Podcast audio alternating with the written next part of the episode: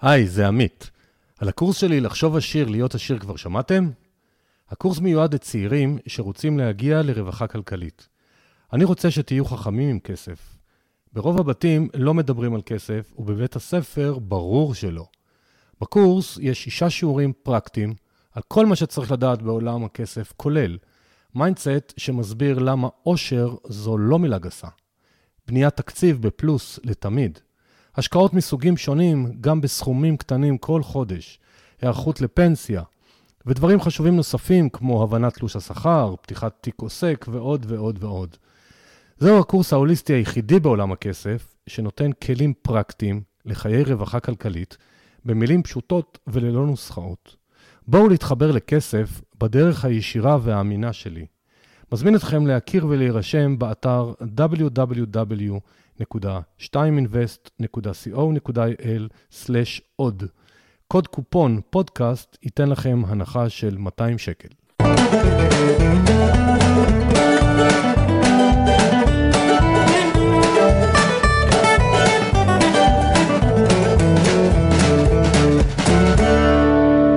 שלום לכולם לפרק נוסף של הפודקאסט כסף והשקעות, זה עמית. תודה רבה שאתם מקשיבים, תודה רבה שאתם נותנים לי הערות ומשובים ורעיונות, וזה אחלה, ורק עוד דבר אחד, תספרו לכמה שיותר חברים, אנחנו כבר עברנו את ה-50 אלף האזנות, עכשיו היעד הוא 100, צריך עוד אנשים חדשים, והיום איתי נועם שפלטר, נועם, שלום ותודה שהסכמת להתארח. בשמחה, בכיף. אז נועם הוא מה שאני קורא אנשים שהם רב מעללים, אה, הוא יזם סדרתי, הוא בעלים של חברות רבות במשק הישראלי ואחד ממייסדי תחום החינוך והתכנון הפיננסי בישראל. הוא שותף מייסד במכללת אורין שפלטר, אה, בבית ההשקעות אינבסטו, ריטרגט לתכנון פיננסי, גרנט קרדון בישראל והערוץ הכלכלי החדש מאוד יחסית, פינטק. אנחנו מקליטים את זה בספטמבר 2019 ונועם, יש לי המון שאלות ויהיה לנו אחלה שיחה כי שנינו אוהבים כסף. נכון. אז ספר לי, אני התחלתי בגיל 16, אבל ראיתי שגם אתה התחלת בגיל 16. איך התחילים נכון. בגיל צעיר כל כך יזמות וכסף? לדעתי זה קוצים בתחת, זאת אומרת אין הגדרה אחרת. איפה גדלת? גדלתי. בראשון, אה, בין להורים שכירים. זאת אומרת, בדרך כלל יזמים מגיעים מבית של אה, יזמים, רואים את זה בבית. אצלי שני הורים אה, שכירים, אמא שלי מורה, אבא שלי היה כלכלן בתעשייה האווירית. אה, יש קשר לכספים. לא, כן, אבל לא, הייתי צעיר. פרש לדעתי, יצא לפנסיה כשהייתי בתיכון, זאת אומרת, אה, אה, אוקיי. לא פנסיה מוקדמת, אה, לא, לא, לא הקמנו עסקים וכאלה, אבל אה, תמיד דגדג לי, אני קראתי מגיל מאוד צעיר, אה, מאוד אה, אוהב לקרוא וללמוד, לומד כל הזמן, קורא המון ספרים, ובאיזושהי נקודה, לא זוכר מתי זה היה, גיל 15, 16, 14, אה, קראתי ספר על, על הצלחה ו... ועל זה שצריך להתחיל בגיל מאוד צעיר, אמרתי רגע למה לא? למה לא לנסות משהו? Uh, היו לי המון חברים שהם היו יותר מבוגרים ממני, אז מאוד נחשפתי לדברים אחרים, היה לי דוגמה, כבר ב-93 או 4 היה לי אינטרנט בבית, הצלחתי לארגן כל... כן, לא אמרתי, נועם בן האוניברסיטה, 42, נשוי עם שלושה ילדים, אז כל אחד יכול לעשות רפרנס לגיל לא, שלו. מתמטיקה, בדיוק. אז בגיל מאוד צעיר אה, היה לי כבר אינטרנט בבית, שזה היה רק טקסט. כל מה שמצאת זה הטקסט, אה, ודרך זה קראתי המון. ויום אחד נפגשתי עם אבא של חבר, שסיפר לי על המצאה חדשה שהוא קרא עליה, שנקרא צורב דיסקים. אה, בעבר היה רק אה, קלטות כאלה, טייפ גיבוי, שלקח אה, 80 יום אה, לסיים הקלטה, וגם במקרה שהצליחה. ואמרתי זה מגניב, התחלתי לקרוא קצת על זה, וזה היה מאוד מאוד יקר, אני זוכר, 2,000 דולר עלה לי הצורב, קופסה ענקית בגודל של מיקרוגל, וחבר הביא לי מארצות הברית, ואמרתי, טוב, אם הקלטות גיבוי לוקח הרבה שעות, זה לוקח שעה וחצי, בואו נראה מה אפשר לעשות עם זה. ופשוט אה, פניתי לבעלי עסקים בראשון, גדלתי בראשון, ואמרתי להם, תקשיבו, אני יכול לעשות לכם, אה, לחסוך הרבה כסף. קלטת גיבוי אז עלתה איזה 400 שקל, היה מאוד יקר הדברים האלה, ודיסק עלה לי 70. אז אמרתי להם, תקשיבו, אני עושה איתכם עסק, אתם משלמים לי retainer, לא זוכר אפילו כמה לקחתי, 200 שקל, 150 שקל, ואני פעם בחודש מגיע ועושה לכם גיבוי על דיסק. ככה אתם גם לא מוחקים את הגיבויים הקודמים, כי אז היו מקליטים אחד על השני, יש לכם כל חודש דיסק גיבוי. ו-to make a long story short, החזרתי את עלות הצורב, לדעתי בחודש השני כבר. מהר מאוד הבינו שזה עדיף להם, אה, וזה העסק הראשון. כך הם התייחסו לזה שבחור צעיר, ילד, לא במרכאות אפילו, לא ידעו? לאכול אותי, אבל אה, הרעיון בעסק זה שאתה מזהה צורך, ואתה יודע להציג בצורה מאוד פשוטה את ה, את ה, איך אתה עונה על הצורך. והצורה מאוד פשוטה, היום עולה לכם 400 שקל גיבוי, אני מביא לכם את זה ב-150, ואתם שומרים את כל הגיבויים ההיסטוריים. מה למה- אני שואל את זה? אני שואל את זה כי בעצם מטרת הפודקאסט הרי מבחינתי זה לתת המון השראה לאנשים. אה, זה כסף והשקעות ואני לא אכפת לי איך מביאים את, העבוד- את, ה, את הכסף, שיהיה כסף להשקעות. כן. ומה שחשוב לי שמאזינים תראו שבעצם גם בחור צעיר שהוא בא עם איזשהו רעיון אז אפשר לעשות את זה, זה לא משנה באיזה גיל אתם, זה יכול להיות בגיל מבוגר מאוד, צעיר מאוד, העיקר כמו שנועם אמר לזהות צורך ולענות בצורה פשוטה. אז בוא נתקדם קצת, אה, בצבא, לא משנה כרגע מה עשית, אחרי הצבא אז החלטת להיש- להישאר ב- בעולם התוכן של כסף או זה גם במקרה הגעת? הכל, אה, לא יודע, ב- אומרים במקרה, אבל אני טוען ששום דבר הוא לא במקרה. כי אם אין לך את המודעות של לשים לב מה קורה מסביבך, אז אתה לא יודע לעשות את זה, כשזה מגיע. אתה יודע, יש משפט, אני איתו אני תמיד פותח את כל ההרצאות שלי, משפט של ריי קוק. כששאלו את ריי קוק מייסד מקדונלדס, מה הם שני הדברים שצריך בשביל להצליח בחיים. אז הוא אמר, הדבר הראשון הוא פשוט, צריך להיות במקום הנכון בזמן הנכון. אמר, אבל זה קורה לכולם כל הזמן.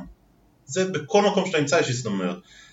הדבר השני שצריך לעשות, וזה הרוב לא עושים, זה פשוט לעשות משהו בן אדם. אז הזדמנויות וצורך, בכל מקום שאתה נמצא אתה מזהה צורך. ואתה רק צריך להיות במוד של בוא נעשה עם זה משהו. זאת אומרת, זה הצורך, איך פותרים אותו. עיניים פקוחות, חושים. לחלוטין.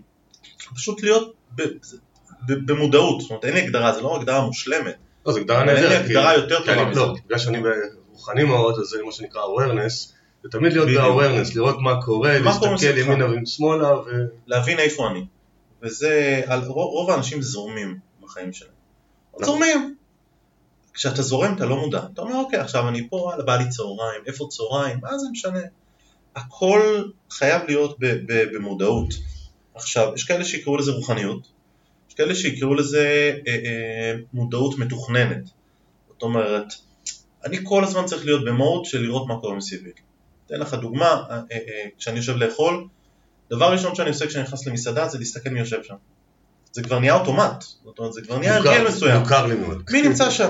עכשיו, א', בגלל שאני מכיר המון אנשים, אז גם כדי להגיד שלום וכדומה, ויותר מאוחר ניגע אולי קצת בחשיבות של נטוורקינג כחלק מההצלחה, אבל גם כדי לזהות הזדמנויות. זאת אומרת, לא מעט מהקשרים שיש לי היום נוצרו מהזדמנויות, פשוט ניגשתי להגיד שלום. וזה עניין של מודעות, כשאתה מודע לזה, אתה מחפש את זה. זה לא, זה לא מזל.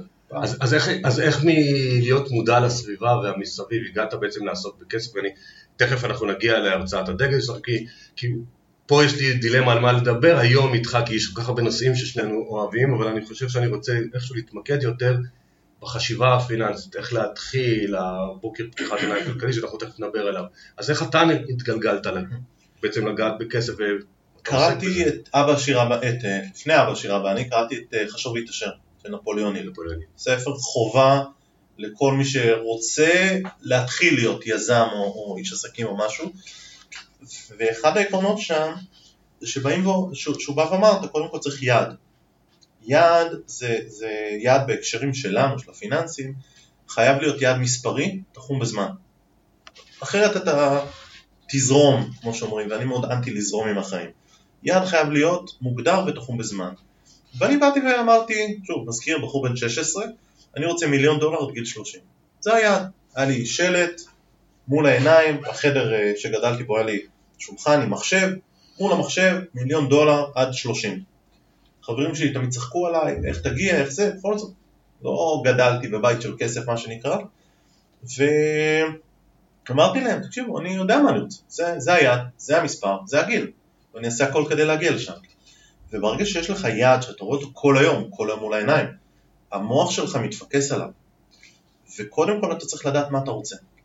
האם אתה רוצה להצליח בגלל שאתה צריך את הכסף לתרום לאיזה קהילה במוזמביק, זה לא, לא משנה השימוש. השימוש משנה הלמה. ברגע שיש לך למה, את הסיבה, ואתה, בגלל שאתה רוחני אתה מבין מה יקרה, אתה צריך את הלמה, אתה צריך את הייעוד שלך. once אתה יודע את הלמה, אתה יודע את הכיוון, ומשם אתה מתחיל לגזור אחורה. אז אני, כשקראתי את הספר, אמרתי אני רוצה מיליון דולר עד גיל 30. למה? כובע. כי אז תהיה לי את היכולת להיות חופשי. זה היה הלמה שלי, להיות חופשי. כסף זה חופש, הוא אמצעי לייצר חופש, לא שום דבר אחר. ומי ששם לו את היד ככסף, בשביל להשיג כסף, זה לא יעד, זה לא באמת יאפשר לך להגיע לאנשהו. אז שמתי לי את היד הזה, והתחלתי משם לחשוב, וקראתי ספרים, ועוד ספרים ועוד ספרים. וברגע שאתה במודעות עם יעד מסוים, אתה מסתכל קדימה, אני אתן לך עוד דוגמה מהתקופה ההיא. באיזושהי נקודה העיפו אותי לחדר של הסגן מנהל, אני הייתי מהחכמולוגים האלה שמתקנים מורים בכיתה, העיפו אותי לחדר של הסגן מנהל, שהוא היה חבר של אבא שלי, באותה תקופה במקרה, בזמן שחיכיתי לו ראיתי על השולחן מסמכים של מכרז להקמת כיתת מחשבים בבית ספר. וכשהוא נכנס אמרתי לו, או, אתה מקים כיתת מחשבים חדשה? כן, אני רוצה להקים אותה. הסתכל עליי במבט של, מה אתה מדבר? אמרתי, אני רוצה להקים אותה. אני יכול להגיש הצעה? הסתכל, צחק, אמר, תגיש. חברתי לחבר, אמרתי, היו לי הרבה חברים מבוגרים יותר, שעבד בחנות מחשבים, אמרתי, תקשיב, אני צריך הצעת מחיר לזה, לזה ולזה, אני אבנה את המחשבים, רק את החלקים. To make a long story short, אני הקמתי את הכיתת מחשבים בבית ספר, זכיתי במכרז הזה, הצלחתי לשכנע אותם שצריך uh, תחנת רדיו קטנה בבית ספר, היה אז את בברלי uh, הילס, שהיה להם בתיכון תחנת רדיו, שזה ישפר משמעותית את איכות ההפסקות, ושכנעתי אותם באותו תקציב להקים תחנת רדיו, ועשיתי את זה, בשביל הבית ספר. וזה נהיה, זה נהיה משהו ש, שכל יום אתה חושב עליו, כל הזמן אתה מחשב איך לצמוח כי יש לך מטרה. בלילות עבדתי אה, במאפייה של משפחה של חבר. מי שיש לו מטרה ויעד, וזה אולי, אני, עם זה אני אסכם את השאלה שלך, מי שיש לו מטרה ויעד, לא צריך לפחד משום עבודה קשה. ובשביל בחור בגיל 17, שביום אני לומד בתיכון, והייתי מגיע ללימודים, לא הייתי, לא הייתי מבריד, הייתי מגיע ללימודים, חושב ומתכנן דברים אחרים, אבל הייתי נמצא שם. בלילה, בימי חמישי, הייתי הולך לעבוד במאפייה, כדי לייצר עוד הכנסה, ו, ובין לבין, אה, אתה יודע, עושה גיבויים לאנשים, לבעלי עסקים. זאת אומרת, לא הייתי משועמם לרגע. ומה עשית עם הכסף שהתחלת לצבוק? כאילו, אני מבין ששדרגתי מחשב. זהו, כי בתור בחור צעיר שגר אצל ההורים, אז בעצם התחיל להצטבר כסף. נכון. האם כבר אז חשבת על השקעות, או שאז עוד זה לא היה משהו במודעות, זה היה משהו, קודם כל שיהיה כסף, שיהיה בו... קודם כל שיהיה כסף. אה, שתיים, שדרגתי את הציוד, קניתי צורף טוב יותר, וקניתי מחשב חדש יותר, וכך הלאה וכך הלאה. אה, אז בהתחלה זה שימש לדברים האלה, אז עוד לא הגדרתי את זה כהשקעה, אתה יודע, לא, לכן אני מחפש עכשיו כאילו, זה מחזיר אותנו לעולם כסף. שדרג אותי, שדרגתי את המחשב כדי שיהיה לי קל יותר לעשות את הגיבויים, אה, וכך הלאה. וכשהתגייסתי, עשיתי גם שנה עתודה, ובזמן השנה של העתודה, מהר מאוד הבנתי שלא לא מתאים לא. לי עתודה, זה לא, כמו הרבה צעירים, אבל הייתי חכמולוג, כי האופציה הייתה לוותר על העתודה ולהתגייס ישר.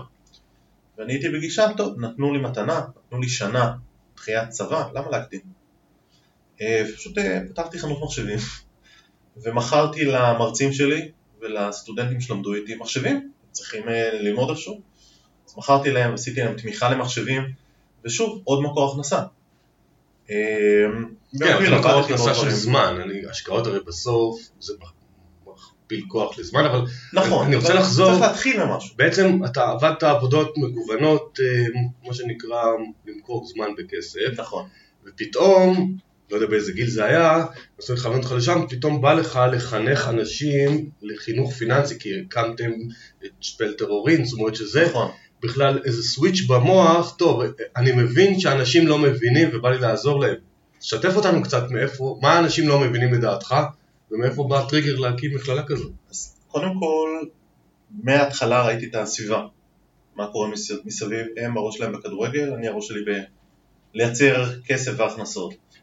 אמ, אחרי הצבא הוצנחתי במרכאות לתפקיד בכיר בסטארט-אפ, ובשביל בחור בן 20 להרוויח 20 אה, נטו לחצי משרה, זה, זה קצת דופק את המוח. אני חייב, ואני בדיעבד מבין את זה, ברור. ברמה שכל חודשיים אתה נוסע לחו"ל בספונטניות, ומחליף. רכב והכל, ובשלב מסוים אה, אה, אה, החלטתי שנמאס לי לעבוד בשביל אחרים, ואני מקים עסק עצמאי.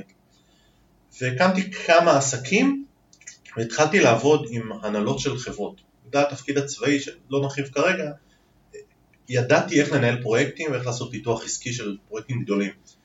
התחלתי לעבוד עם הנהלות אה, בכירות, דירקטוריונים ומנכ"לים של חברות אה, מאוד מוכרות, והתחלתי להבין שכשמדברים על כסף, אין להם מושג מהחיים שלהם. עכשיו, זה מנכ"לים שהרוויחו בתקופה ההיא עשרות אלפי שקלים, ואומרים לי, כן, אתה יודע, לא יודע מה לעשות עם הכסף. זו הסיבה שהפודקאסט הזה הוקם, כי כל כך הרבה אנשים זיהיתי שזה אין להם מושג, עכשיו הם מרוויחים הון, לא השתנה לצד. והם מבזבזים הון.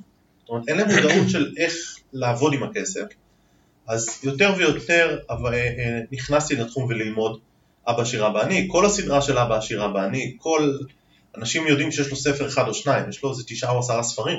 קראתי את כולם. מדהים, כולל האישה שהיא כתבה. זה גם מצוין עם שון לכטר, והתחלתי לקרוא יותר ויותר ספרים ולהתעמק יותר בנושא הזה, ספרים של דונלד טראמפ ורובין שרמה, אז התחיל לצאת עם כל הספרים, מוכר, כל הספרים מוכרים. ובאתי וראיתי מהסביבה שוואלה, אנשים אין להם מושג מהחיים שלהם. ובאותה תקופה אמרתי אני רוצה לקחת הילוך אחורה, לקחת קצת אוויר, אבא שלי נפטר. באותה תקופה ועברתי תאונת דרכים מאוד קשה, ובאתי ואמרתי אני חייב uh, לעשות עם זה משהו, יש לי המון ידע, צברתי המון ידע, צריך לתת. באותה תקופה uh, הייתי בהייטק, אמרתי, הוצנחתי לתפקיד בכיר בסטארט-אפ, קיבלתי פנייה מג'ון ברייס, בוא תקים לנו מערכי לימוד בתחומים מסוימים, אני מכיר את אחד המייסדים, והתחלתי להרצות. ואז ראיתי שאני מאוד אוהב ללמד. עד אז לא לימדתי, לא עשיתי שום דבר, מאוד אוהב ללמד. אז? בגיל 22-23 כבר הרצ- הרציתי להנהלות בכירות בחברות בהייטק. עם, עם הידע שהיה לי. עכשיו, לא, למד, לא עשיתי תארים בהייטק וזה הכל למידה עצמית, אני מאוד אוהב ללמוד. ועשיתי במקביל לימודי משפטים, חבר גרר אותי ללמוד משפטים, למדתי זה את זה בשביל בשביל, הלימודים, לא בשביל. הידע. גם בשביל האימא.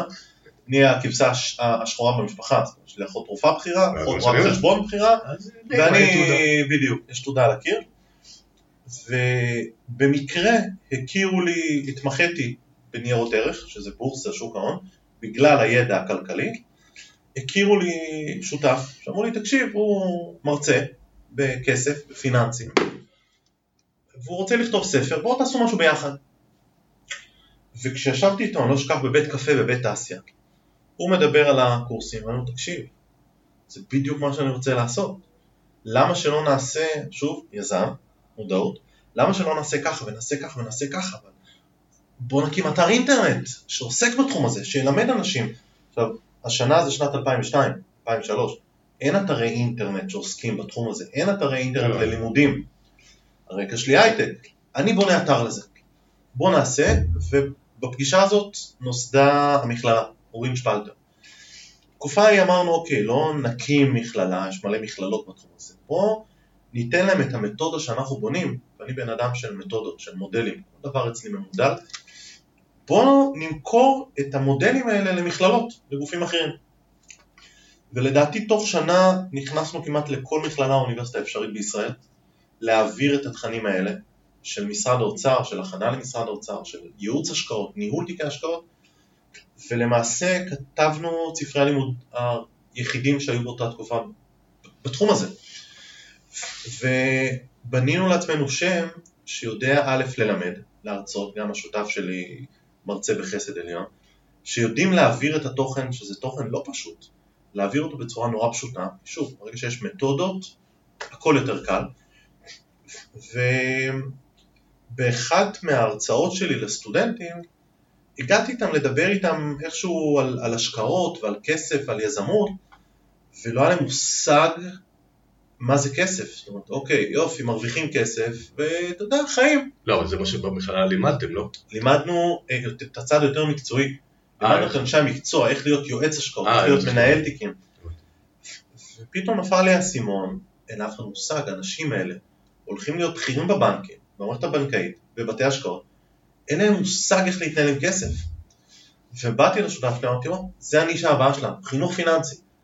לא היה אז את המונח הזה, כלכלת משפחה, לא היה זאת, זאת כן. לפני עולמות אה, אלון גל ו- ודומיו, לא היה את זה. ואמרתי, יאללה, אנחנו מתחילים. והתחלנו לעשות הרצאות על הדרך בנושא הזה, ודרך אה, קשר אישי שהיה לי, אה, עוזר אישי של חברת כנסת, אמר לי, תקשיב, אתה חייב להיפגש איתם. חייב להיפגש איתם, הם מחפשים משהו עכשיו לעשות חדש, בוא תיפגש איתם. ונפגשתי איתה, זה עוד היה בתקופה שמשרד ראש הממשלה היה אחראי על התחום הזה, יוג'ין אה, קנדל. יוג'ין קנדל היה אחראי על, זוכר. על, על המועצה הלאומית לכלכלה, וניסו כלכלה. להבין מה עושים, בדיוק הקימו את המועצה. נפגשתי עם יוג'ין, נפגשתי עם עוד אה, בחורה אצלו, החברת כנסת הזאת ישר חיברה אותי, ועלה רעיון להקים תחום של חינוך פיננסי בישראל. אני הייתי בעננים, וואלה, זה, זה מה, אני, מה שאני רוצה לעשות, לא רק ההכשרות המקצועיות. ותקופה ארוכה מאוד הייתי בכנסת, כדי לעזור לבנות את זה, עזרתי להקים, אז הייתה שדולה לחינוך פיננסי, ובאחד מההסדרים הקואליציוניים, אני לא אשכח, היה סעיף, הקואליציה תפעל להקמת חינוך פיננסי לתושבי ישראל. אה, אז הייתי עוד צעיר, וחשבתי. שמה שבדיוק, מאוד תמים, שאם מקימים שדולה לחינוך פיננסי, שאני הרציתי להם, והקימו את המחלקה לחינוך פיננסי במשרד האוצר, הייתה לי דגן, בחורה מדהימה ש, שהקימה את זה, אבל uh, בסופו של דבר, אני אגיד משהו שהוא נורא, אבל הלוביסטים מנהלים את הכנסת, והלוביסטים זה רע להם שיהיה תחום כזה, כן. וראיתי איך העולם הזה מתמסמס. וישבתי לא מעט דיונים בוועדת הכספים שניסו להרים את הנושא הזה, ובשלב מסוים לא, אני- הבנתי שזה לא יהיה. לא, זה לא יהיה. אז רגע להתקדם. שאלה לפני מה שרציתי לשאול, אבל אתה מזכיר לאורך כל השיחה בינתיים, הכרתי את ההוא, הכרתי את ההוא, חבר של ההוא, אני נכנס למסעדה, אני ישר בודק מי נמצא, ושאנחנו נדבר על נטוורקינג. בוא תרחיב רגע, כי זה נושא שאני חושב שהרבה אנשים מגיעים לכנס שהם לא מכירים אף אחד, פתרון שלהם להוציא את הטלפון ולהיות נורא חשובים ולהסתכל ב... זה הדבר הכי. גרוע. לא, אז בוא תסביר בבקשה לכולנו למה בעצם נטוורקינג זה כלי התפתחות, לא רק כלכלי, אבל התפתחותי. ניקח את זה צעד קודם, ונגיד כולם רוצים שיהיה להם עושר. בעין או לא... באלף? עם עין. א' כמובן. לא בטוח, אוקיי. אבל עושר, כולם ישר שומעים עושר וקופצים לכסף. עושר זה שפע. עכשיו, יש משפט של גרנט קרדון שאומר who's got my money. עכשיו, כשאתה שומע משפט who's got my money אתה חושב יאללה הוא חושב רק על כסף. המונח הזה או השאלה הזאת, בן אדם כל הזמן צריך שיהיה לו בראש את השאלה אצל מי הכסף שלי. למה? כי אם אתה רוצה להיות יזם, משקיע, בעל עסק, לא משנה מה, מישהו בסוף צריך לשלם לך. המישהו הזה זה אנשים. זה לא אה. משהו דומם, זה לא הממשלה, אנשים צריכים. וכשאתה קם בבוקר אתה צריך להגיד, אוקיי, אצל מי הכסף שלי? אבל אצל מי הכסף שלי לא כי אתה תיקח אותו, אלא כי למי אני יכול לתת ערך כדי שישלם לי? זה המשחק. אנשים משלמים עבור ערך. ובשביל זה אתה צריך להכיר כמה שיותר אנשים. בשביל לייצר ערך אתה צריך להכיר אנשים. וברגע שאתה הולך לאירועים, לכנסים, ל networking, המטרה של זה זה networking, לייצר קשרים, לא לשבת עם הטלפון. וכשאתה מגיע ל networking אתה צריך קודם כל לחפש מראש, להכין את עצמך. את מי אני רוצה לפגוש שם? מה המטרה שלי? מה אני רוצה להוציא מה, מהכנס הזה? אם אתה הולך לכנס בנדל"ן, מי אתה? אתה יזם? אתה משקיע? אתה קבלן? השאלה את מי אני רוצה לפגוש היא שונה לחלוטין בכל אחד מהקטגוריות. אבל אתה מדבר כבעל עסק, בעל עסקים מגיל צעיר, הרבה מאוד מהמאזינים שלנו הם שכירים, שזה אני מקבל בפידבקים, אני יודע.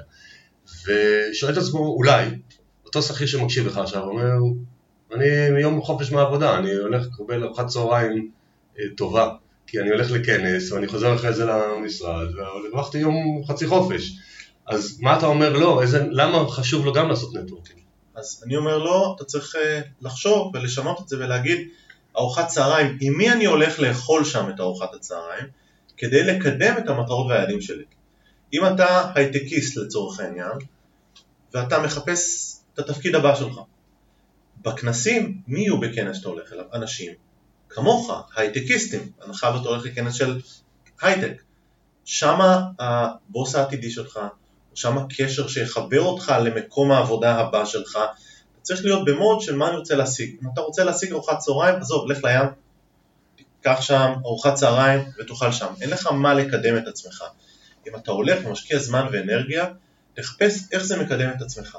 את מי אתה יכול לפגוש שם שיקדם אותך לשלב הבא. אם אתה אה, משקיע ואתה הולך לכנס של השקעות, את מי אני רוצה לפגוש שם כדי למצוא את ההשקעה הבאה שלי? או איזה גוף אני רוצה להכיר שם שיוכל לעזור למצוא את ההשקעה הבאה שלי, וכך הלאה. איפה אני אשיג עוד ידע? כשאתה הולך לכנס אתה לא הולך בשביל ארוחת צהריים או בשביל היום חופש, בשביל היום חופש תלך, תקבל את הטאג שם, לך הביתה. למה לבזבז במרכאות יום שלם בכנס, את היום חופש, לך לים, את הטאג שם יש לך ביד. אתה הולך בשביל להשיג מטרה מסוימת. אתה נוסע, ו- ואני נוסע המון לכנסים בעולם. אני יודע בדיוק את מי אני רוצה לפגוש, מה אני רוצה להשיג מהכנס הזה, ואיך זה יקדם אותי ביחס למטרות שלי, ביחס ליעדים שלי. ושוב אנחנו חוזרים לאותם יעדים. תגדיר מה אתה רוצה. אז בוא נחזור אה, לבוקר, אה, אם, כמה שאני יודע זה תוכנית, הבוקר הבסיס של העסק שלך שנקרא אה, פתיחת עיניים כלכלית. שככה אגב בסוף הפודקאסט אה, נועם מציע באדיבותו איזושהי הטבה ממש משמעותית, אז כדאי לכם להקשיב עד הסוף. אה, אז בוא תספר לנו קצת למאזינים, טוב, בוקר פתיחת עיניים כלכלית, אחלה השם, מה זה? מה עושים שם? אני אגיד לך איפה נולד הכנס הזה. אה, כשסיימתי את תפקידי בכנסת, שעזבתי את תפקידי, שהבנתי שזה לא יקדם שום דבר, אמרתי לעצמי, אני חייב לקדם את התחום הזה איכשהו. כנסים עצמאיים עולים הרבה כסף, והראש שלי היה בהקמת העסקים. והגיעה אליי פנייה מהצבא לבוא ולהרצות לחיילים משתחררים. עכשיו, יש דבר שנקרא שבוע שחרור לחיילים משתחררים. אני גם רוצה לשבת בפורום אחר. שהם עוברים אה, שבוע, זה כל פעם 200, 300, 400 חיילים כל שבוע. אמרתי להם, סבבה, אני מגיע, מקצה לכם שעתיים בשבוע בבוקר, לדבר איתם על כסף, על איך הם צריכים לראות את החיים וכדומה. וזה היה הרצאה שהיא מה שנקרא הרצאה מאולתרת. אני מתחיל ואני זורם איתם בזרימה מתוכננת מה שנקרא, לנושאים שמעניינים אותם. ומהר מאוד הבנתי שאין להם מושג מהחיים שלהם על כסף. אז בוא ניתן למאזינים קצת מושג. ואמרתי להם, בואו נפתח לכם את העיניים. פתאום צ'יצ'ינג כזה, נפל לי האסימון, הנה הנושא.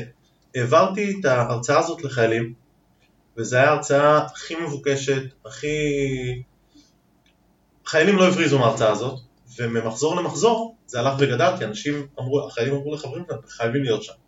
דיברתי איתם על מה זה כסף, ומה זה יעדים לחיים, ולמה אתם צריכים יעד, ולמה חשוב מחר להתחיל. ויעד יכול להיות, אני רוצה לנסוע להודו, איך אתה משיג את היעד הזה? אל תיקח הלוואה בשביל זה, תייצר את הכסף לזה. ושוב, כמו שאמרנו, זה mindset. וכשהפרויקט הזה הוקפא בצבא, שינו את הפורמט, ובאתי אמרתי, למה לא נותן את זה לכל הקהל הרחב? ואז בנינו את ההרצאה הזאת, שזה חצי יום, זה, זה חמש שעות, לפעמים אנחנו מעריכים כי אנחנו לא עוצרים. אמרנו, אנחנו הולכים לעשות פעם בחודש, לתת מהזמן שלנו לקהל הרחב. ומעבירים את הכנסים האלה. כשהמטרה של הכנס זה מי שמגיע יבין איך העולם הכלכלי עובד, ממש פתיחת עיניים, להבין למה הוא חייב יעדים לעצמו, להבין איך הוא מגדיר את היעדים, אנחנו נותנים שם, אה, אה, משתפים כמה מודלים שבניתי בכל החיים, אני קורא המון אה, ביוגרפיות, המון ספרים על, על אנשים מצליחים, אני אוהב למדל כל דבר, אגב, לא כי אני גאון אלא כי אני עצלן. ברגע שאתה ממדל משהו, אתה עובד קשה פעם אחת, וזהו, וזה רץ כל החיים. אתה משכפל את הסיסטם. בדיוק. אז בגלל שאני עצלן, אני עובד על זה פעם אחת, וזהו, וזה רץ. אז, אז בוא תגיד לי מה... הלכתי ומידלתי את, את ה... איך העשירים הצליחו, איך המצליחנים, מה הם עשו תן לנו כמה טיפים, או מה אנשים לא יודעים, או מה צריך לעשות בשביל להצליח. אז תן לך דוגמה, יש מודל, מודל הצלחה מאוד פשוט, שכל העשירים עושים. כל העשירים לדוגמה משקיעים בהשכלה. ויש לך המון מאזינים והם כנראה במודע או לא במודע מבינים ש, שהשכלה זה משהו שהוא חשוב, ללמוד כל הזמן על כל דבר. המצליחנים הגדולים ביותר אגב יודעים לנהל איתך שיחה על כל נושא. מחשבים קוונטיים, fuck, נהלו איתך שיחה על מחשבים קוונטיים. אה, מזג אוויר, ידעו להסביר לך למה המפה הסינופטית מראה ככה, זה פשוט מדהים ש... בכירים שפגשתי יודעים לדבר איתך על המון דברים, כי הם פשוט סקרנים, הם רוצים ללמוד עוד ועוד. דוגמה נוספת, כולם קמים מוקדם. תמיד אומרים, אין לי זמן. מה זה אין לך זמן? אתה אתה קם בשש בבוקר, תקום בחמש, אני קם בחמש. למה? כי אין לי זמן. אבל יש את האח הגדול וכולי, זה הרבה יותר מעניין. הישרדות. ברור, גם כדורגל, 90 דקות. כשחברים ראו כדורגל, אני הייתי רואה, קורא ספרים. כשהם היו רואים אה, סרטים מטופשים, אני הייתי קורא ספרים. אז מה רוב האנשים לדעתך, הממוצע, לא יודע על כסף עדיין? כי מה שתיארת שהיה לפני 15-20 שנה זה עד היום. זה עד היום, זה מדהים. אנשים לא יודעים. אה, אני חושב ש... אני אישית חושב שהעיתונות הכלכלית והתקשורת בקטע הזה מכוונים למקומות לא מקצועיים מספיק כי זה מה שהם יודעים, מה הכוונה. אם מדברים איתנו לפני חג, איפה הסל קניות יותר זול ב-30 שקל, זה נחמד, אבל זה מה שהכתב יודע, כי הוא מעולם לא נגע בכסף גדול. קודם כל נפתח משהו שהוא לא פוליטיקלי קורקט על העיתונות הכלכלית. 90% ממה שאתם קוראים, ממה ש... שהתכנים שמופיעים בעיתונות הכלכלית, זה, זה מיועד לשרת מטרה מסוימת. כן, תמיד צריך לראות מי הכתב. ומה האינטרס. בדיוק, זה מה שנקרא קריאה ביקורתית. כשקוראים כתבות, תקראו תמיד מי מרואיין שם, יש סיבה למה הוא מרואיין, מה המסקנה שלהם, לא תמיד המסקנה הזאת היא המסקנה הנכונה, ואת מי זה משרת. זה קודם כל לגבי, אמרת עיתונות כלכלית וכו', והרבה מהכתבים, ושלא תבינו, יש כתבים שיודעים מדהים את החומר, אבל לא תמיד ייתנו להם לשרת את האג'נדה שהם רוצים וכדומה, אבל אז, אז בואו אנחנו ננסה לעזור לאנשים. אז איזה דברים בניהול הכסף השוטף של אנשים אתה רואה שעדיין אותן טעויות חוזרות על עצמם אצל לקוחות שלך, אצל מאזינים, אצל אה, סטודנטים וכו'. הטעות הגדולה ביותר. הטעות הגדולה ביותר זה אנשים, אה, אה, אה, וזה נשבור פה איזה מיתוס, צריכים לחסוך. אם אתה רוצה שיהיה לך כסף להשקעה, אתה צריך לקצץ בהוצאות. זו שוב גמורה. לקצץ בהוצאות זה אומר לרדת ברמת החיים. אבל אתה רוצה להעלות את רמת החיים.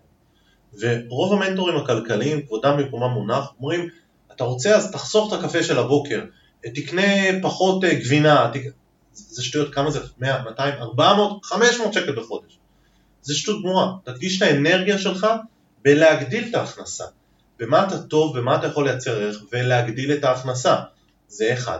שתיים, חייבים לנהל את הכסף. אנשים הרבה פעמים מנוהלים על ידי הכסף שלהם ולא מנהלים אותו. למה הכוונה?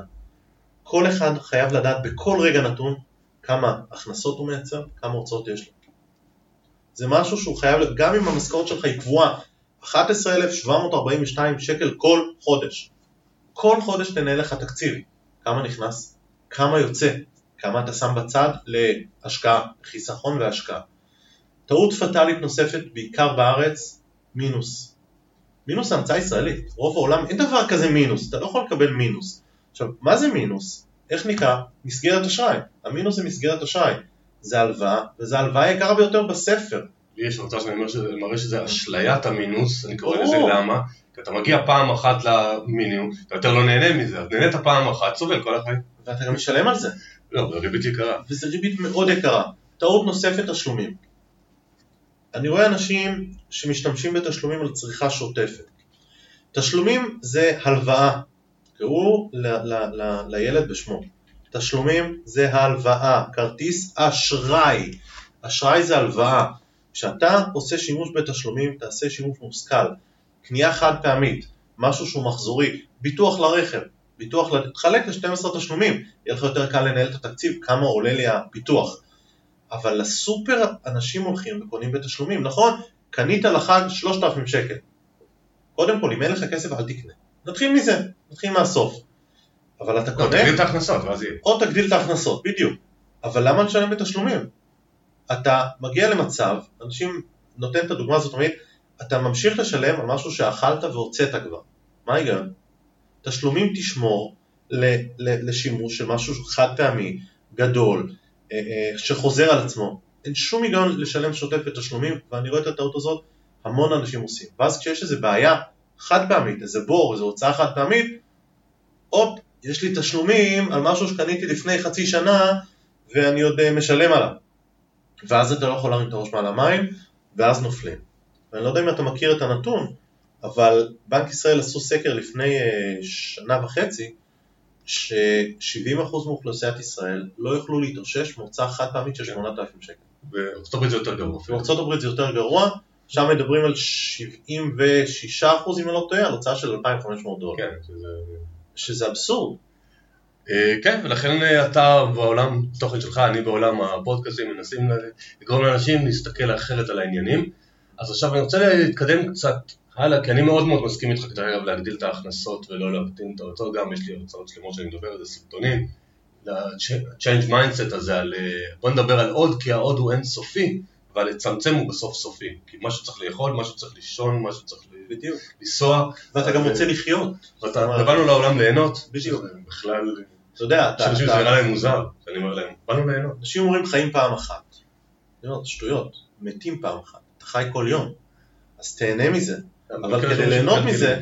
אתה חייב לייצר הכנסה. עוד הכנסה. אתה צריך כל הזמן להיות ב mindset של איך אני מייצר יותר, איך אני עושה עוד. יופי. אז עכשיו אה, אני רוצה לעבור, אני מקווה שאנשים מאזינים מסכימים איתנו וכבר מייצרים את העוד, ואז אני רוצה לה- להתקדם קצת הלאה, להתקדם לכיוון עולם ההשקעות. הרבה מאוד אנשים שבאים אליי רוצים להשקיע, אבל המון פחדים עולים. אם זה זוגות, אז לפעמים כל אחד מבני הזוג יש לו את הפחדים שלו, שצריך לראות איך מחברים. ובכלל, איך אתה מציע לאנשים להתמודד אה, עם פחדים להתחיל להשקיע? קודם כל אני לא ללמוד. נכנס כרגע למה להשקיע, עוד מעט. נרחיב קצת על זה, אבל קודם כל ללמוד.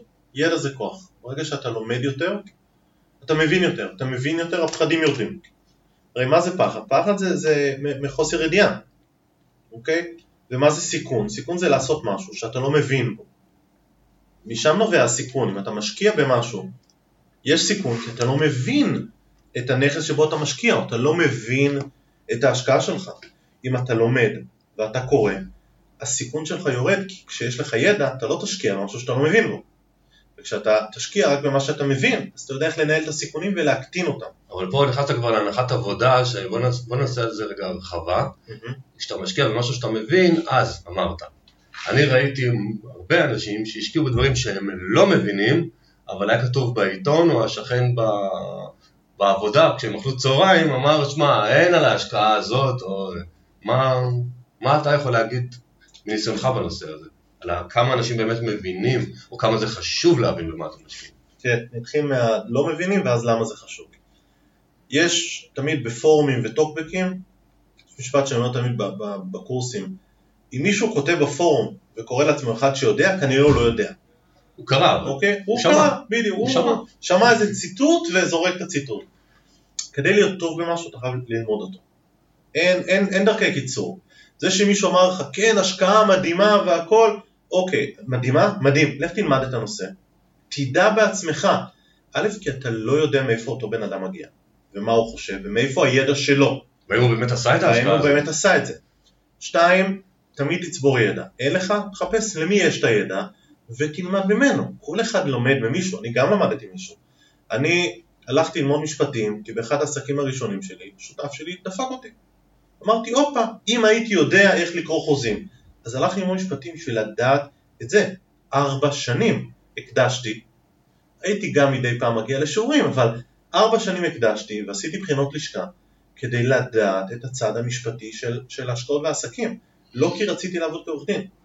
אז כל אחד יש לו את הזמן, ואף אחד לא ישכנע אותנו, ואתה גם אתה כבר יודע את זה, אין דבר כזה אין לי זמן. אין לי זמן זה אומר לא, אני לא רוצה יש לי עדיפויות שאין אחרות. לי זמן. בדיוק, בסדר עדיפויות אחרות, הולך לראות כדורגל, רואה סרט, רואה נטפליקס עד הבוקר.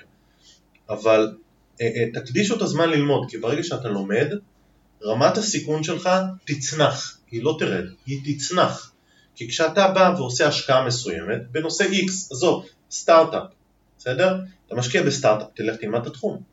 אל תתבסס רק על התוכנית העסקית, תוכנית עסקית זה יופי, לך בעצמך ללמוד. אני כשאני משקיע בסטארט-אפ, אני לומד את התחום, אני מבין מי המתחרים, לא על סמך התוכנית העסקית. אני לומד את הנושא. והיום, תודה לאל, אנחנו נמצאים בעולם שהכל נמצא לך בכף יד. מרים כן. פלאפון, יש לך את כל הידע שאתה רוצה. ואחד הדברים שאני רוצה להוסיף למה שנועם אמר, זה שאם זה טוקבקים או אם זה השכן אמר, הרבה פעמים אנשים מדברים בהמון ידענות ופסקנות על דברים שהם לעולם לא עשו. כשאני באתי בזמנו לאשתי ואמרתי לה בואי נקנה נכס בחו"ל, אז היא אמרה לי, תגיד לי, מה, מה, מה זה השטות החדשה שנפלה לך במוח? אז תשמעי, אני מלמד אנשים על השקעות ואני עושה דברים. לא יכול להיות שאני לא אכיר על בשרי מה זה השקעות נדל"ן בחו"ל, ולטוב ולרע, ואחרי זה אני אוכל לדבר על זה, כי תיאור... אני אישית לא מאמין בלתת עצות של תיאוריות כיועץ. אז, אז תמיד תבחנו טוב טוב גם אותם אלה שמגיבים דרך אגב בכל קבוצה יש אותם מגיבים, נכון. מה הם באמת אה, יודעים. אז בואו בוא נתקדם עוד שלב, אז כבר אנחנו התגברנו על הפחד, כבר הבנו קצת איך שצריך לקחת יעדים ולהתחיל לנהל את הכסף. אני רוצה רגע לתת לך, אני רוצה אותך ברשותך דוגמה על הפחד. אוקיי, אוקיי. בא לי איזושהי דוגמה ש... אוקיי? שוויל סמית נותן אותה לפעמים בהרצאות שלו. פחד זה תמיד מחוסר ידע. אתן לך דוגמה. צנחת פעם במטוס? אני אישית לא. לא. כשצונחים במטוס, כשאנשים הולכים לצניחה חופשית, זה פחד אלוהים. אבל רק הצניחה הראשונה מפחידה. כי ברגע שעשית את זה, אתה כבר יודע למה לצפות. יש לך את הידע, אתה לא פוחד מזה יותר. מאזינים שלנו, תחשבו על משהו שנורא נורא הפחיד אתכם בעבר, ועשיתם אותו בפעם הראשונה. עשיתי פעם אומגה, שנורא פחדתי, אומגה בקוסטה ריקה בגבהים מטורפים, עשיתי ואמרתי אני לא אעשה עוד פעם, אבל לפחות עשיתי פעם אחת, התגברתי על הפחד אבל המטורף אתה שהיה כבר לי. יודע איך זה. כן. וזה בדיוק העניין של, של ללמוד ולדעת. זה, זה בדיוק העניין. שואלים, איך אתה לא מפחד להקים חברות? אני יודע איך, מה אני עושה, אני יודע איך עושים את זה, אז למה שאני זה גם קשה. נכון, ואני גם עושה את זה במודע. אז אני, ו, וגם נכשלתי. ברור. בעסקים וזה בסדר גמור. אי אפשר לא קשה. אבל ברגע שאתה יודע, ובגלל זה אני שם על זה דגש כל הזמן, על הידע, תלמדו, תלמדו, תלמדו. אז זה לגבי פחד, כי ברגע שאתה יודע לקראת מה אתה הולך, אין לך פחד. וזה בדיוק העניין שהיה לי חשוב להדגיש למאזינים, שהם חייבים להבין, פחד נובע מחוסר ידיעה. כל אחד שיחשוב על הדייט הראשון שלו, עם בן או בת הזוג, פחד אלוהים. אבל once הכרתם, אין גם פחד להיפגש ולצאת. זה בדיוק אותו דבר גם בכסף ובעסקים, בדיוק אותו דבר. אז בוא נעבור מהדייט עם הכסף, שיהיה בן בת זוג מרוצים, אה, לנושא תכנון פיננסי. אתה עושה גם, ב... אתה ואחת הקבוצות שלכם, אה, אני גם עושה תכנון פיננסי, אבל אני למדתי לזהות שכל מתכנן פיננסי קורא לזה קצת אחרת, נכון. אז אני אשמח לשמוע שככה תיתן לנו את התובנות שלך, מה זה תכנון פיננסי ובאיזה גילאים לדעתך זה חשוב לעשות. זאת אומרת, האם להתחיל בגיל 20, 30, והאם מישהו בן 78 זה מאוחר מדי, או גיל 58 וכולי. אז תכנון פיננסי יש המון אסכולות, נכון? יש כאלה שקוראים גם לכלכלת משפחה תכנון פיננסי. אני נחשפתי בפעם הראשונה לעולם התכנון הפיננסי, אז עוד לא קראו לזה תכנון פיננסי, בארצות הברית בשנת 2000 לדעתי, ואחר כך ב-2002. בארצות הברית שיטת הכסף עובדת קצת שונה.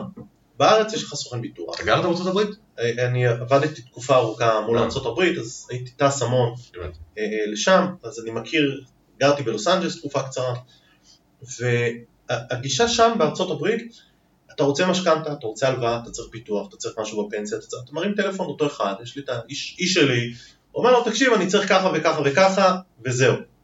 בארץ משכנתה, אז אתה הולך או לבנק או ליועץ משכנתאות אם אתה חכם. אתה צריך אה, ביטוח לרכב, אתה הולך לסוכן ביטוח. אתה צריך לפנסיה, אתה הולך לביטוח אחר, כי מה, אני לא אעשה את כל הביטוחים במקום אחד, הוא ידפוק אותי. ופה בדיוק בעיית החשיבה והחכמולוגיות הישראלית. בארץ, וזה שוב, לא לרעה לא לטובה, ואני רואה שזה משתנה ואני שמח, אנשים חושבים שהם יודעים יותר טוב מכולם. זאת אומרת, אני, אני אשווה את הביטוח, אני אדע הכי טוב. משכנתה, מה אני צריך יועץ, אני אעשה את זה לבד. הלוואה, אני אלך לבנק, אני אדבר עם שולה מהבנק, מה זה, היא- אני אעשה משא ומתן, אני יודע מה היא עושה. להשקיע, מה אני צריך יועץ, אני יודע לעשות את זה לבד. ומפה מתחילה הבעיה. כי תכנון פיננסי, כדי להצליח בחיים אתה חייב one stop shop. כי אתה חייב שמי שמנהל לך את ההשקעות ידע מה יש לך בפנסיה, ידע מה יש לך בביטוחים, כי אם צריך לעדכן ביטוח חיים בגלל שעשית איזו השקעה, אתה חייב שזה יהיה מכלול אחד. אתה חייב לקחת בחשבון שיקולי מיסוי, אנשים לא מבינים שיקולי מיסוי. וכשאתה עושה השקעות אתה חייב להבין את המכלול של כל הדברים. אתן לך דוגמה, אוקיי? אם אתה בן אדם שיש לו נכסים להשקעה, והנכסים להשקעה שלך שווי, סתם דוגמה, 2 מיליון שקלים.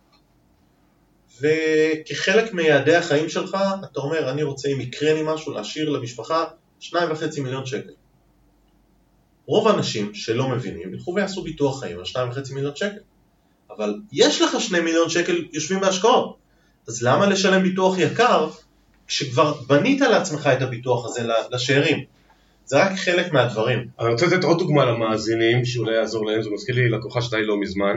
אה, אימא חד-הורית מבחירה, לילד בגיל העשרה, שמודאגת כמובן שיישאר לו משהו אחרי, אה, אם היא תלך לעולמה, היא מפרנסת יחידה בגילאי החמישים, וכשראיתי את ביטוח, והתזרים שלה לא מלהיב במיוחד, וכשראיתי את ביטוח החיים שיש לה, הסכום מאוד מאוד גבוה, עם פרמיה מאוד גבוהה, אמרתי רגע, אבל הדירה, אין לך משכנתה, אז אם דירה ברעננה, זאת אומרת, אם תלכי ללמך, אז יש לו נכס, וכולי וכולי, והורדנו את הביטוח חיים, כי היא פתאום הבינה שגם הביטוח מנהלים שיש לה, ילך אליו, ופתאום ראתה שיהיה לו הון מאוד משמעותי ואין צורך להוציא עוד כסף שאין. זה קורה כי אין בן אדם אחד שמחבר, כי מי שעושה לה את הביטוח חיים, מה מעניין אותו? דבר אחד בלבד. פרמיה. הפרמיה.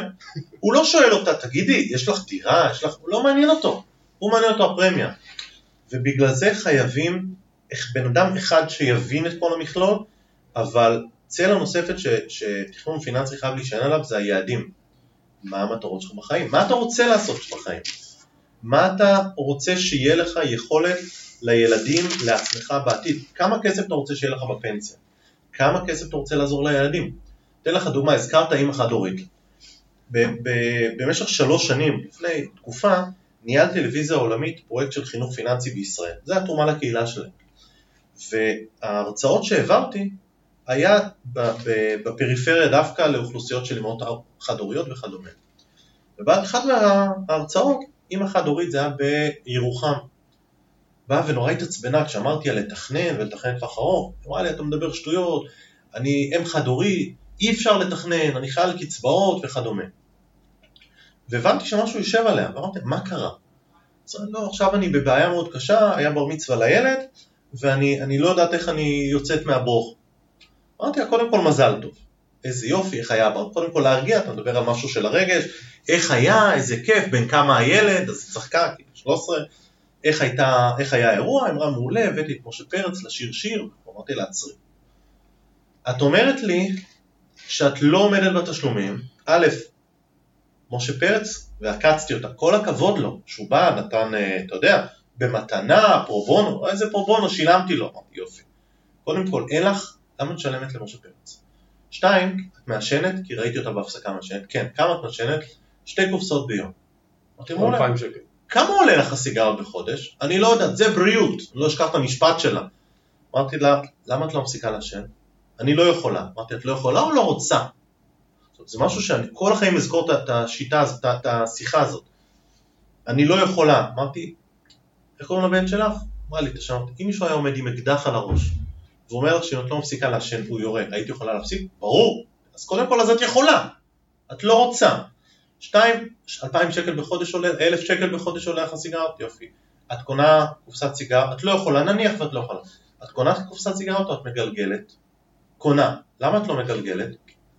כי זה לוקח לי זמן. זה חצי מחיר. ואז היה דממה, נכון. אז קודם כל את יכולה לחסוך. שתיים, מאיזה גיל את חוסכת לילד? אני לא חוסכת, אין לי מאיפה לחסוך. אמרתי לה, תקשיבי, קודם כל יש לך, כי סיכמנו שאם היית מעשנת פחות, או את לא רוצה להפסיק לעשן, תגלגלי את הסיגרות שלך, כבר יש לך מאיפה לחסוך?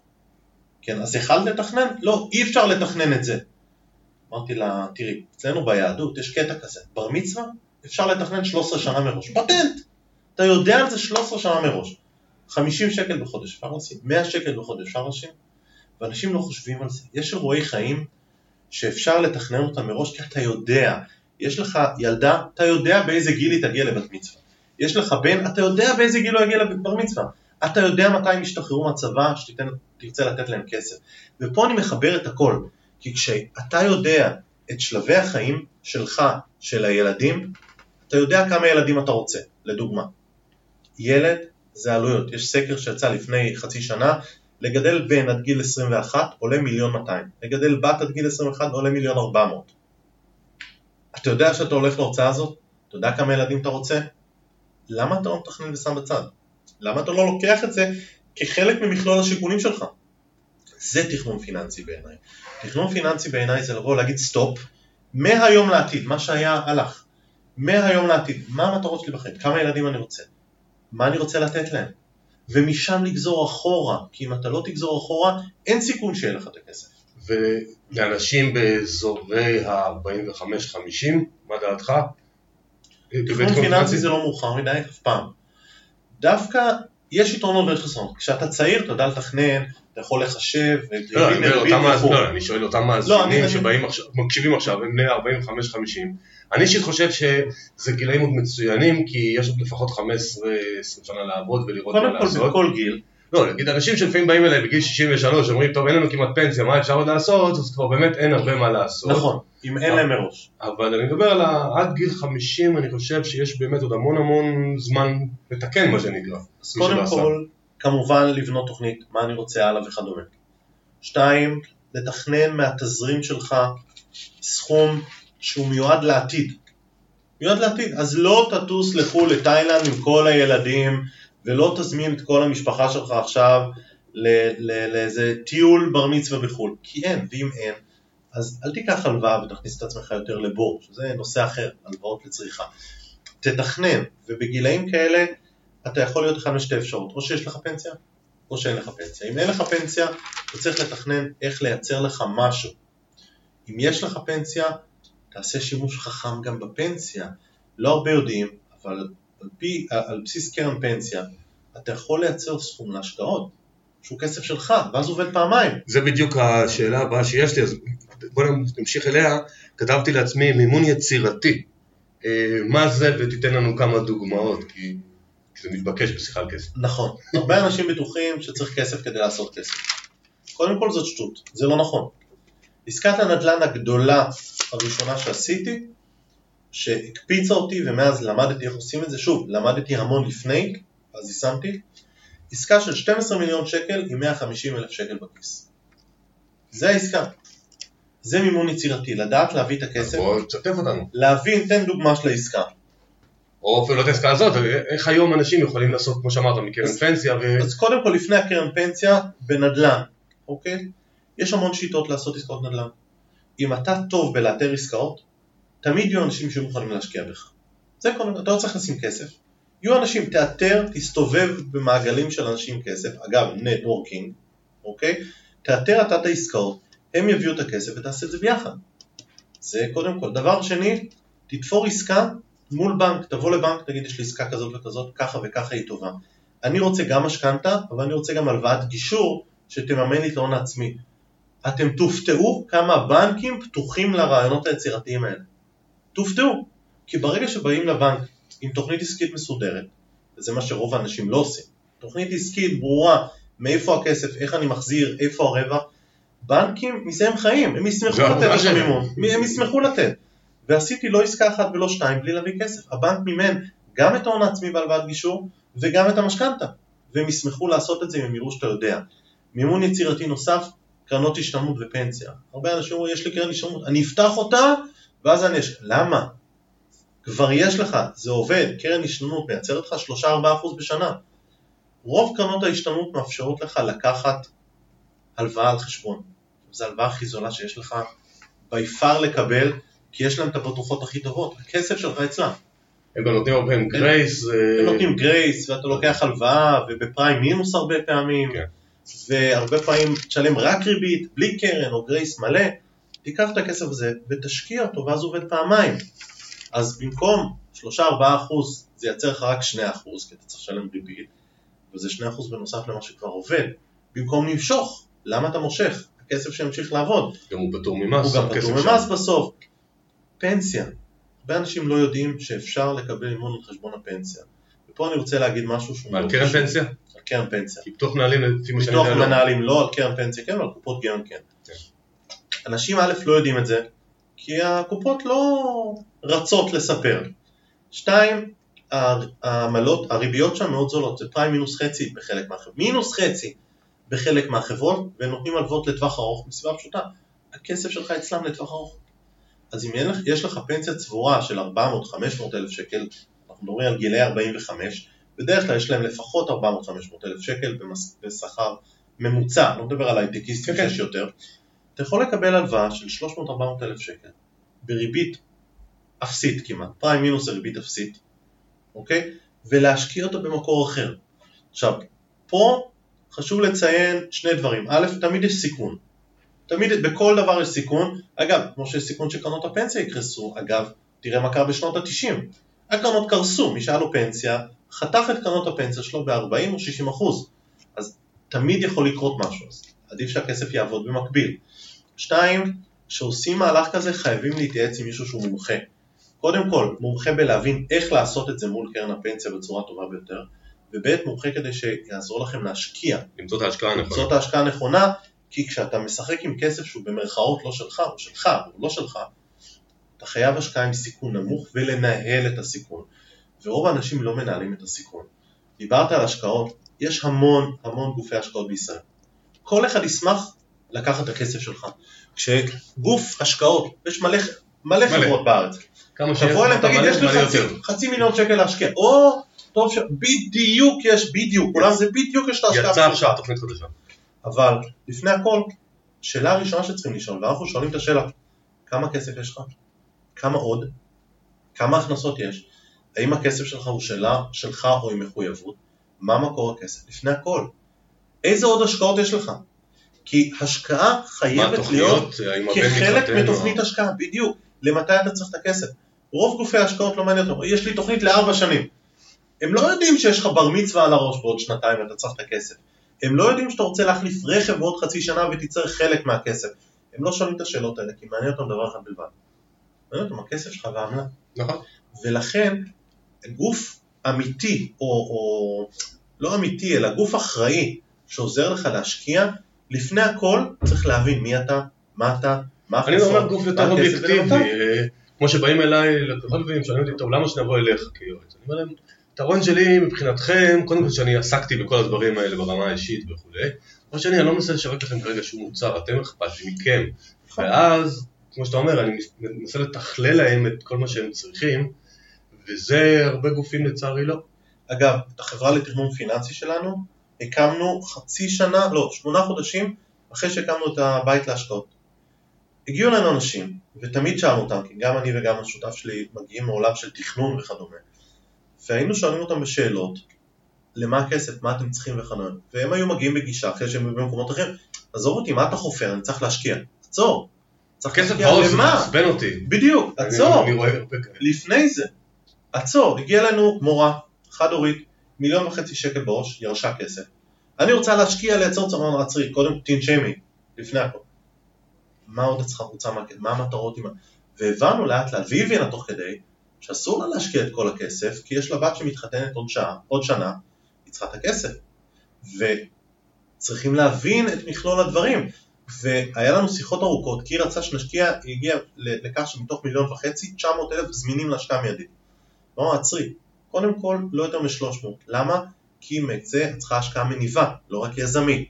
אל תקפצי על כל השקעה שמציעים לך. עצרי, תנש, תנשמי רגע. כסף בעוף זה לא דבר רע. זה דבר רע אם אתה לא מתכנן מה לעשות איתו. אבל זה לא דבר רע באופן עקרוני. ויש לנו לא מעט משקיעים שאנחנו אומרים להם, חבר'ה, הגעתם ככה וככה איקס, יופי.